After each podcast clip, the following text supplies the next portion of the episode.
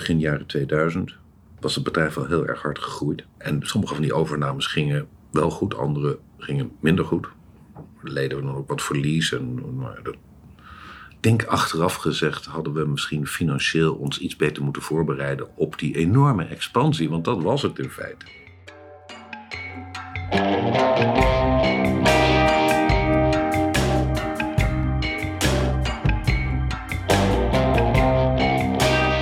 Je luistert naar Op Koers, een podcast van Damen.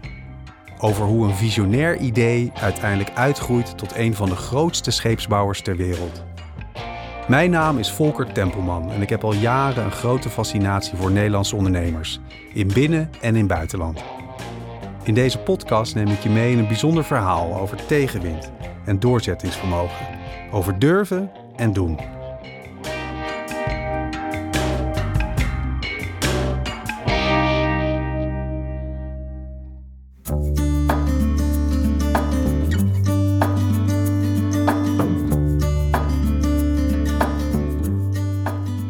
Het nieuwe millennium breekt bijna aan. Damen heeft een imposante reeks aan overnames achter de rug. Zowel binnen Nederland als daarbuiten.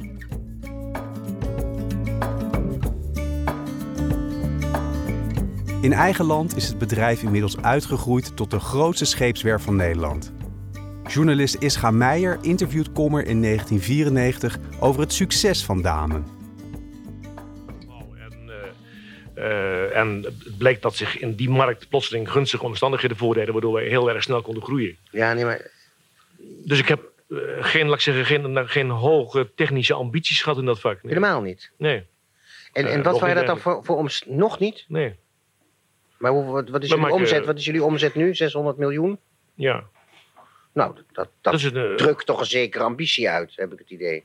Of is dat niet zo groot, 600 miljoen? Dat is in de schijnsbal groot, ja. Maar jullie zijn de grootste? Ja, voor mijn grootste zorg is dat weer iemand zo begint. Ja, ja. Dus, uh, maar, die, die, maar, die, hebt, het, het komt weinig voor avonturierschap in het ondernemersland. Is het nogal behoudend landschap? Het is moeilijk. Een, een onderneming... Wanneer je kijkt naar hoe de markt van scheepswerven er in Nederland uitziet, zou je je kunnen afvragen of er überhaupt nog wel sprake is van enige vorm van concurrentie voor damen. Joke Korteweg, maritiem historicus. Op een gegeven moment konden ze natuurlijk zo verschrikkelijk veel overnemen dat er echt moest worden nagedacht van wil je dat allemaal hebben? Het was, het was goedkoop, maar het moet binnen de bedrijfsfilosofie passen. En de bedrijfsfilosofie is eigenlijk, als we deze werf aankopen, kunnen we dan nog steeds produceren tegen een lage kostprijs, want dat is een kern van, uh, van de damefilosofie levert het een beter product op, omdat we die standaardisering al maar doorvoeren. Hè? En de filosofie is eigenlijk van hoe meer er gestandaardiseerd wordt, hoe beter het eindproduct uiteindelijk zal worden. En kunnen we die snelle levertijd behouden. En op een moment dat er bijvoorbeeld werkgelegenheid in stand gehouden moet worden, zoals bij Wilton Feyenoord, dan weet je zeker dat je die lage kostprijs alweer kan vergeten. En dan ga je dus met verlies draaien of met te weinig rendement draaien. Dus overnames alleen als ze een toevoeging zijn voor de rest van het concern. In de jaren 80 probeerde Kommer meerdere keren om scheepswerf De Schelde over te nemen. Dat vooral bekend is om zijn marineschepen. Maar dat mislukte een paar keer omdat het bod van Damen te laag werd bevonden. Ook al miste er nog een gespecialiseerde marinewerf in het portfolio, ging Dame alsnog op eigen kracht verder met het ontwikkelen en bouwen van snelle schepen, zoals patrouilleboten voor buitenlandse overheden en kustwachten. Dus wij verkochten die dingen aan marines en die vroegen dan ons, ja, uh, wat bouw je nou voor jullie voor je eigen marine? Nou ja, helaas uh, niks. Hadden we dan drie patrouilleboot cutters gebouwd voor de Koninklijke Marine in 1993. We moesten eigenlijk een betere referenties in te krijgen. Dus ik dacht, nou, ga eens met de overheid praten, met de regering, met de minister van Economische Zaken, die de aandeelhouder was van de Schelde, of de Schelde niet kunnen kopen. Ik, ik, las dat ze steeds verliezen maakten en dat ze dreigden met staking als ze geen nieuw werk kregen en dat soort dingen. Nou, volgens mij was die overheid niet zo erg blij met die werf. Dus ik dacht, ik ga eens uh, informeren of ze hem niet kunnen kopen. Is een afspraak gemaakt met minister Jorisma. En die uh, had een heel team uh, klaarzitten voor die afspraak. En toen zei hij, nou, zegt u maar weer nou. Nou, ik zou graag de Schelde kopen.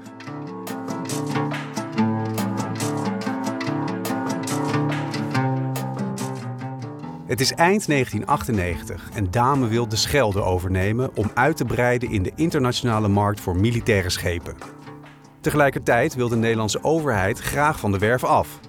Het maakt het bedrijf zelfs zo aantrekkelijk mogelijk voor potentiële kopers. De overheid garandeert dat de werf in de toekomst vrijwel alle schepen mag bouwen voor de Nederlandse marine. Ook al heeft Dame dan ruimschoots ervaring in het overnemen van scheepswerven, de Schelde is nieuw terrein. Het bedrijf is voor 90% in handen van de overheid en dat is daarmee ook de belangrijkste onderhandelingspartner. Mariette Doornekamp, CFO op dat moment, is nauw betrokken bij de overname. Dat was echt een hele complexe overname. Ook omdat de Schelde op dat moment natuurlijk veel meer was dan de werf alleen. En alles wat er binnen dat consortium, conglomeraat van Schelde was gedaan, was met elkaar verbonden. Dus overal zaten aansprakelijkheden in.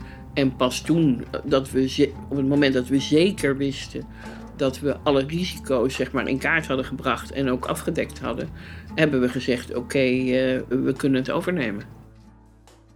Wat moet een overheid met een werf? Die konden er ook niet veel mee. Die hadden natuurlijk wel belang bij dat ze zeg maar, schepen voor de defensie konden blijven bouwen. Dus de marine was er ook wel echt in geïnteresseerd dat dit bedrijf op een goede manier zou landen. En ze zagen dat dat op dat moment uh, nou ja, kapot ging, niet goed ging, afgelopen was. En eigenlijk werd geraakt door de andere projecten die de Schelde aanging, eh, die, eh, die de werf raakten.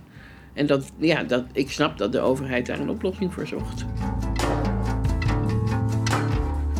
Je zit op het punt dat je kunt zeggen tegen je partij, als u het niet doet, als u niet zeg maar, onze afkoopsom of ons voorstel accepteert, dan heeft u niks. Dus uh, ons voorstel is altijd beter dan niks. En dat heeft natuurlijk in die onderhandelingen ontzettend geholpen. Uiteindelijk koopt Dame de Schelde voor het symbolische bedrag van 1 gulden. Bij de overname wordt Dame bovendien nog eens met een bedrag van 70 miljoen gulden extra ondersteund vanuit de overheid. Het leidt tot veel vragen vanuit de Europese Commissie. Want is deze vorm van staatssteun eigenlijk wel acceptabel? De overname neemt uiteindelijk meer dan twee jaar in beslag en wordt in 2000 succesvol afgerond.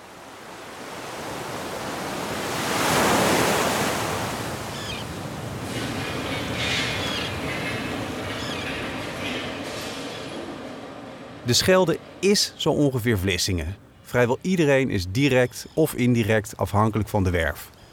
En waar je ook om je heen kijkt, de Schelde is overal. Het is dan ook meer dan een overname van alleen een bedrijf. En dat roept weerstand op. Niet iedereen zit te wachten op een overname door een partij die geen enkele ervaring heeft in marineschepen. Mensen waren natuurlijk onzeker uh, van, van wat gaat er nu verder gebeuren.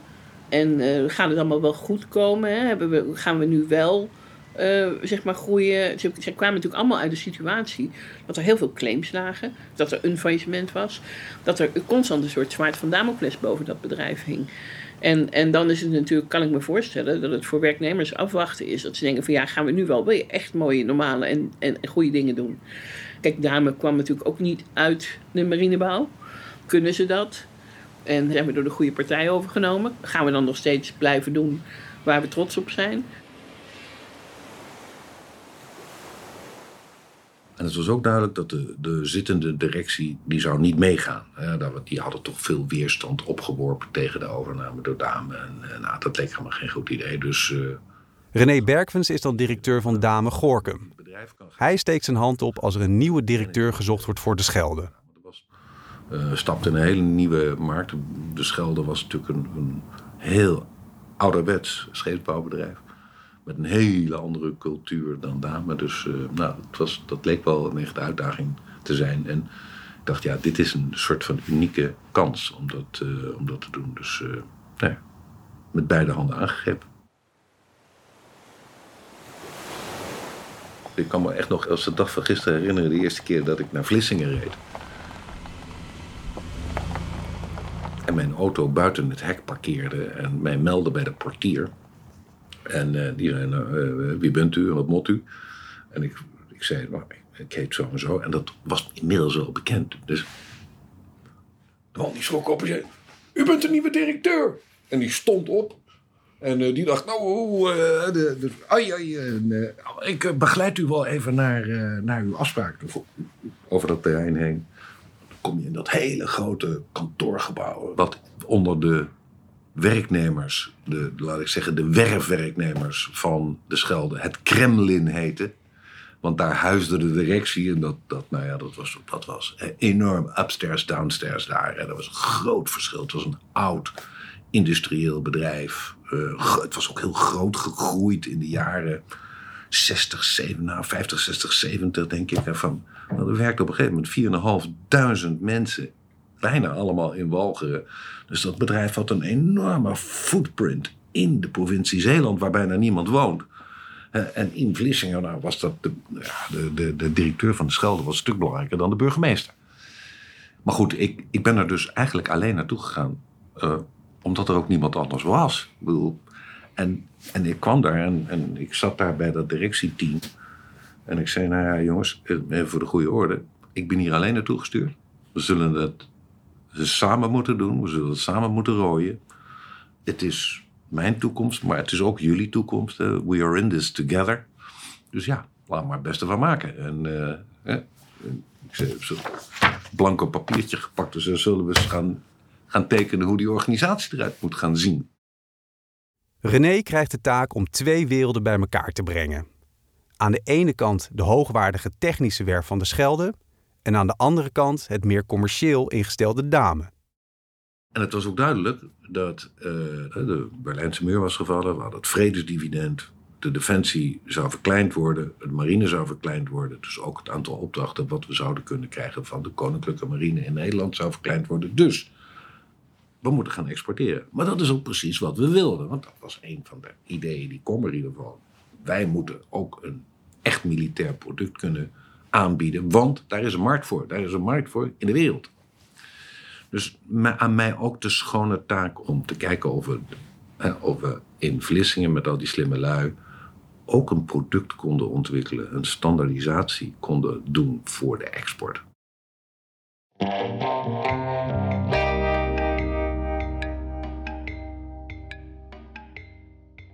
Ik ben uh, Hein van der Meijden. Ik ben bij uh, toen nog de Schelde gekomen op 1 december uh, eh, 2000. Dat was een paar maanden na de overname door Dame. Dame, een beetje, uh, ja, toen nog erg cowboyachtig, ongedwongen, enorm ondernemend uh, bedrijf, maar toch nog niet heel erg groot. En, en de, nou ja, toch wel chique, deftige, koninklijke Scheldegroep. Opgericht in 1875, dus we waren ook een stukje ouder. Een beetje stoffig, een beetje ambtelijk. Uh, niet ontzettend ondernemend. Dus het contrast tussen de overnemende partij en de overgenomen partij kon eigenlijk niet uh, groter zijn. Hein wordt de nieuwe exportdirecteur van Damenschelde Naval Shipbuilding, zoals het nieuwe bedrijf heet na de overname. Ook hij herinnert zijn eerste dag nog heel erg goed. ja, ja, ik moet al lachen.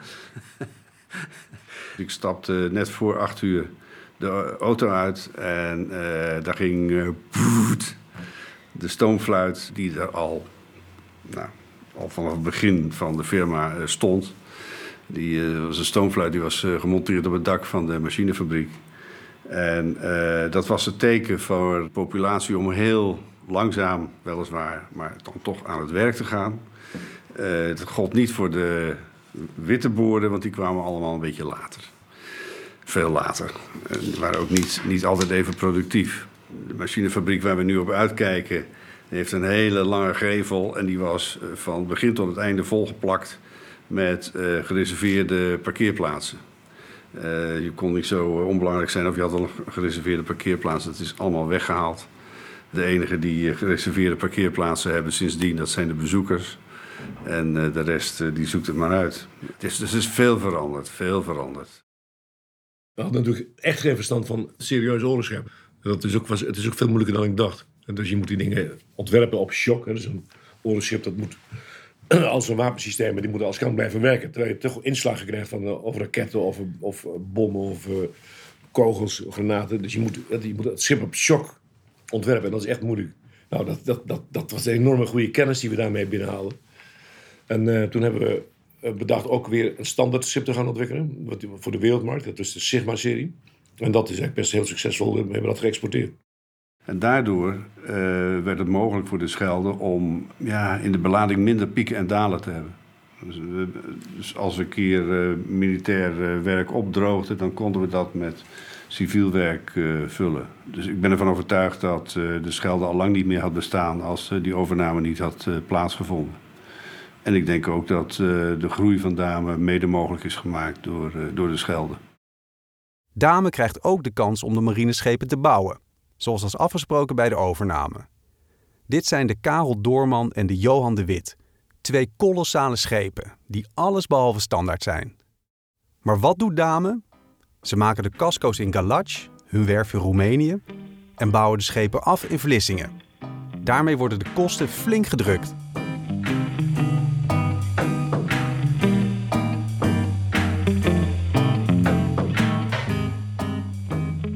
Samen met Gorkum werkt het bovendien aan een aantal complexe civiele projecten, zoals een ijsbreker-onderzoeksvaartuig voor Australië. En zo komen verschillende onderdelen en expertises van het Damen-concern samen. Damen Schelde wordt een heel ander bedrijf dan de Schelde. En ook winstgevend. Binnen vijf jaar weet ze voor bijna 2 miljard euro aan schepen te verkopen aan onder meer Indonesië, Marokko en Zuid-Afrika. Ik had altijd het idee, als we nou één keer zo'n exportorder scoren, dan is het eigenlijk alsof je probeert met een straaljager door de uh, geluidsbarrière heen te drukken.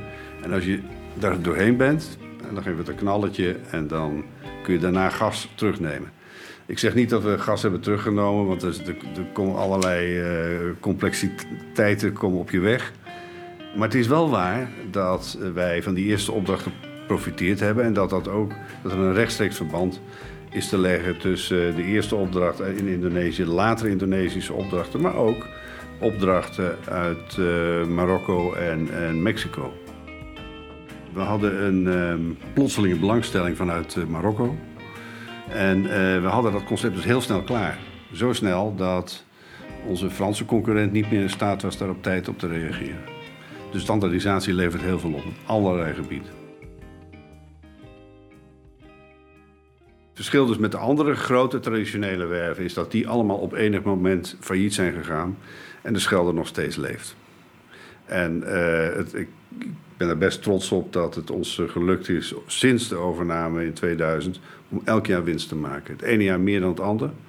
Maar we zijn wel uh, meer dan 20 jaar winstgevend. En dat is, geloof ik, in de hele geschiedenis van de Schelde nooit eerder voorgekomen. Ik, wij staan op de schouders van degenen die voor ons waren. Uh, dus je moet het allemaal relativeren. Het is niet dat het nu allemaal beter is dan vroeger. We profiteren gewoon wat er over de uh, laatste 150 jaar bijna is, uh, is opgebouwd. Dus daar mogen we trots op zijn. Maar het is niet allemaal onze eigen verdiensten.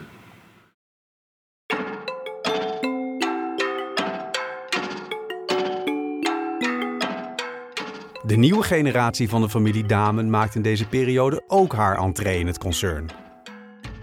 Ik ben uh, Annelies Damen, de oudste dochter van Kommer Damen. En uh, ben al zeker, nou ik denk al 22 jaar werkzaam in het bedrijf. De eerste grote opdracht die Annelies krijgt van Kommer is om het enorme terrein van de Schelde in kaart te brengen. De delen die niet nodig zijn, moeten worden verkocht. 53 hectare, echt heel groot. Wat heel erg braak lag deels. Daar moest echt iemand naar kijken. Daar moest echt iemand die echt ook bij het bedrijf werkte. Dus ja, daar ben ik eigenlijk mee begonnen met dat project. En uh, toen ben ik het eerst allemaal in kaart gaan brengen. En uh, bekijken hoe kunnen we iets verkopen. Want vaak uh, zijn het hele mooie plekjes aan het water. Dus die liggen echt in de mooie oude steden. En die zijn dus heel erg geschikt ook voor een mooie herontwikkeling. Van de drie terreinen die Dame bij de overname krijgt, houden ze er twee. Het ene terrein is bestemd voor Damen Nevel en er wordt besloten om Damen Yachting te verplaatsen naar het tweede terrein. Het derde terrein wordt door Annelies verkocht aan de gemeente, die het ontwikkelt tot een woonwijk. Skilde Naval Shipbuilding in Flushing, the Netherlands, is the prime supplier for shipbuilding and marine engineering of combat and support vessels for the Royal Netherlands Navy. Snotneus van toen slaat zijn slag. Kopt trouw na de overname van de Schelde. Na jaren van onderhandelingen en transitie is Dame Nevel een feit. De cowboys op de dijk zijn erin geslaagd om door te dringen tot de markt voor militaire schepen en daarbinnen concurrerend te worden. Ik doop u, Karel Doorman, en wens u en uw bemanning een behouden vaart.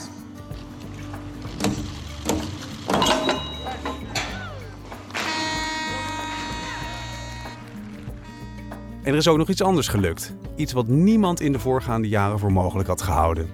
De onderscheidende aanpak van Dame, standaardisering, toepassen binnen sectoren waar juist niets standaard is. Zo vertelt Joke Korteweg. En toch heeft hij dat concept kunnen toepassen, zowel op de jachtbouw als op de marinebouw en op een succesvolle wijze, zodat dat ook winstgevend kan zijn en diezelfde drie voordelen weer kan geven: lage kostprijs, steeds betere kwaliteit en heel veel investeringen dus in een product wat eigenlijk niet, helemaal niet bij Dame hoorde. Dit waren geen werkscheepjes meer. Het zijn andere schepen en toch kan het ook daarbij.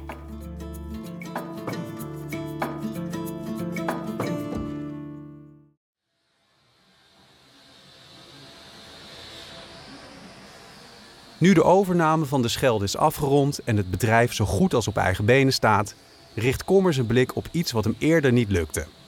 Het kopen van Wilton Feyenoord. De reparatiewerf staat namelijk opnieuw te koop en ditmaal wil Kommer de kans niet aan zich voorbij laten gaan. En met succes deze keer. In 2003 wordt Wilton Feyenoord ingelijfd. Ik denk wel dat, dat meneer Damalt wel de visie heeft gehad dat scheepsreparatie complementair zou moeten zijn aan, aan het nieuwbouwstuk. En uiteraard ook iets wat altijd door blijft gaan, dat onderhoud aan schepen. Dat zal altijd blijven zolang er schepen varen. Ik ben uh, Jeroen Heesters, ik ben directeur van Dame Ship Repair Conversion. Het terrein waar we nu zitten is de oude Wilton Feyenoord werf. Nou, daar gaat een hele geschiedenis aan, aan vooraf. Die, uh, die, die zal... Na de overname verdwijnt de naam Wilton Feyenoord en maakt plaats voor een nieuwe. Damen Ship Repair and Conversion.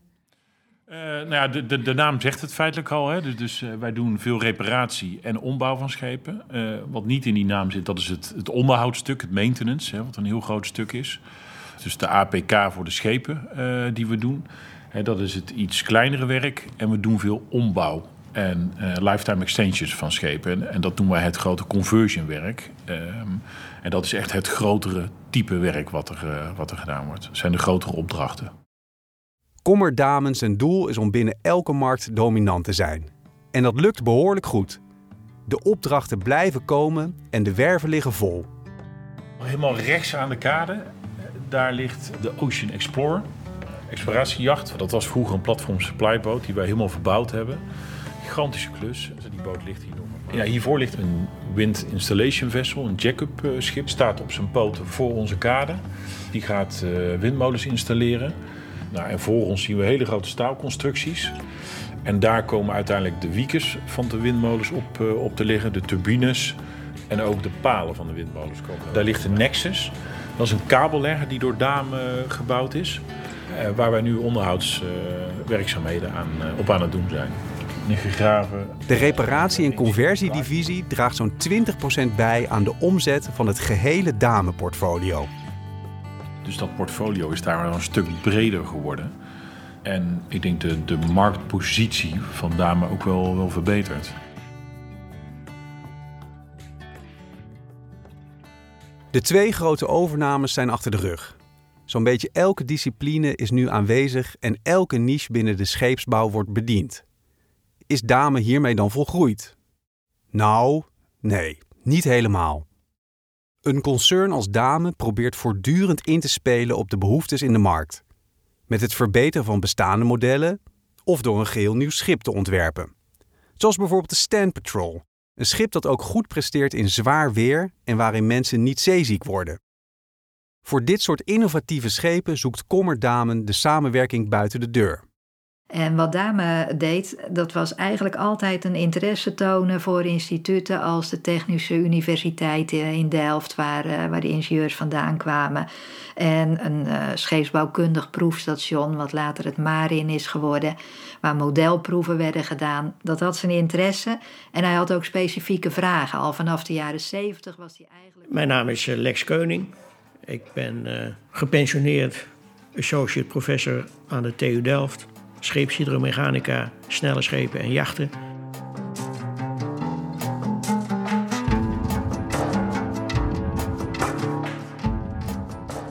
Damen werkt al sinds de vroege jaren 80 samen met hoogleraren en studenten van de TU Delft om boten en specifieke eigenschappen te ontwikkelen.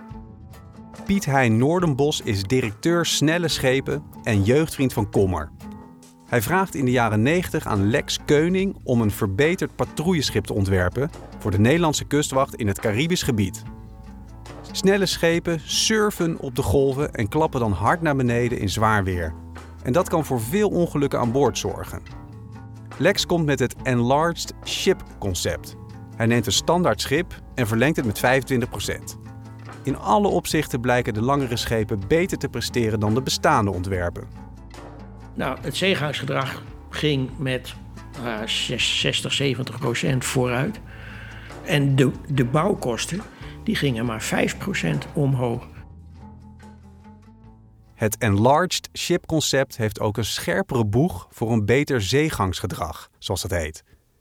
En als het een succes blijkt te zijn, brengt Lex het ontwerp een stap verder. Dus die boeg kan veel scherper. En dat werd de bijlboeg.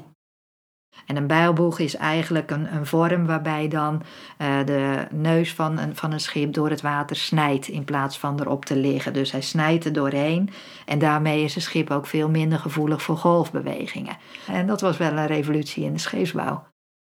De revolutionaire rompvorm van de Sea-Axe-bouw verbetert de veiligheid en het comfort aan boord.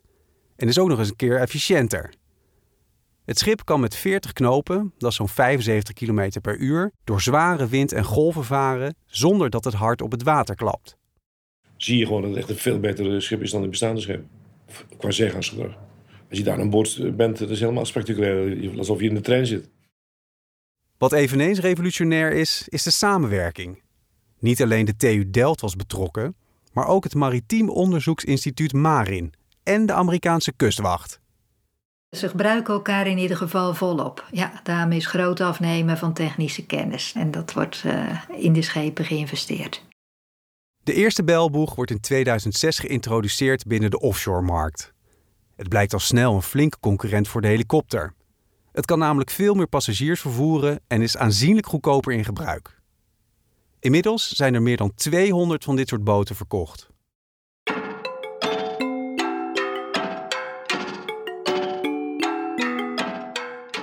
Wanneer Lex met pensioen gaat, organiseert Damen een afscheidsfeest voor hem.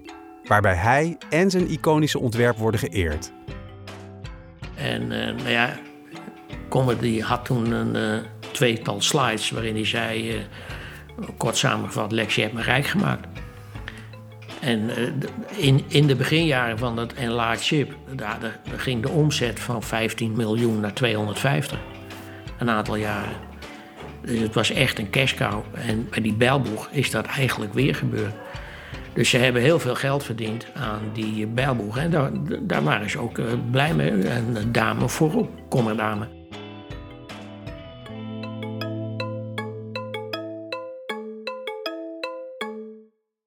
Dame is nu actief in alle sectoren binnen de scheepsbouw. In 2001 telt het concern 32 verschillende bedrijven en werken er wereldwijd 11.000 mensen. Maar het verhaal over groei en uitbreiding is hiermee nog niet verteld. Nog lang niet zelfs. Kommer verwacht op dat moment dat het concern de komende 15 jaar zal verdubbelen in omvang. Uiteindelijk zullen er wereldwijd nog maar een paar grote scheepsbouwers overblijven. En Damen zal erbij zitten. René Bergfens, oud-directeur van Damen Schelde Naval Shipbuilding, kent de filosofie van Kommer als geen ander. Het ging niet alleen maar over meer, meer omzet, meer winst. Maar hij zei ook altijd: Weet je, een groeiend bedrijf is makkelijker te managen. Want dan kun je mensen aannemen en je kunt mensen laten doorgroeien. Toch is er ook een andere kant. Begin jaren 2000 was het bedrijf wel heel erg hard gegroeid. Met al die overnames die we net allemaal bespraken. En sommige van die overnames gingen wel goed, andere gingen minder goed.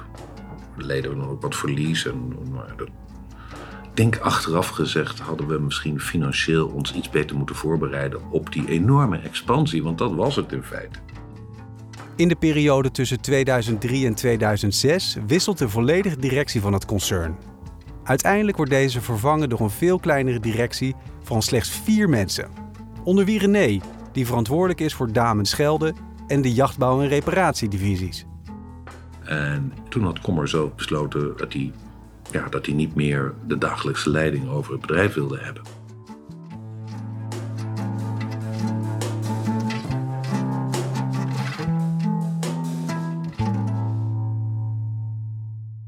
In 2006 draagt Kommer Damen het CEO-schap over aan René. Ook al is hij niet meer betrokken bij de operationele kant van het concern, blijft hij op veel verschillende manieren verbonden.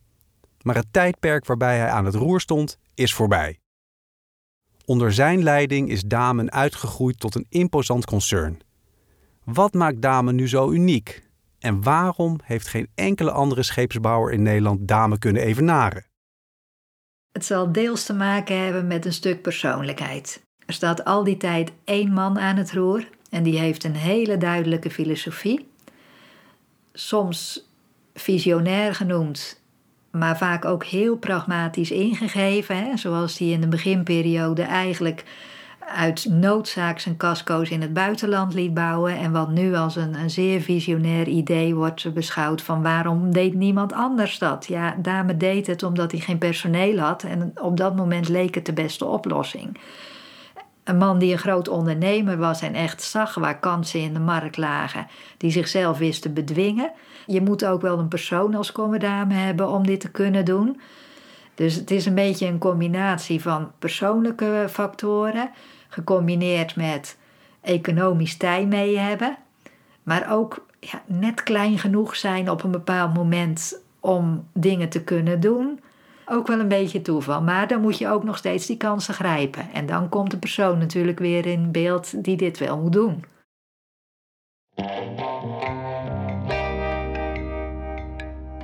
Wat is het volgende hoofdstuk voor Kommer, nu hij geen CEO meer is?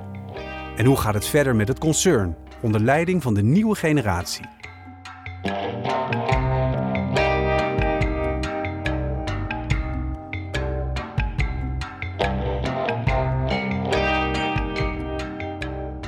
Je luisterde naar Op Koers, een podcast van Dame. Gemaakt door audio agency Airborne. Niks missen? Abonneer je in je favoriete podcast-app.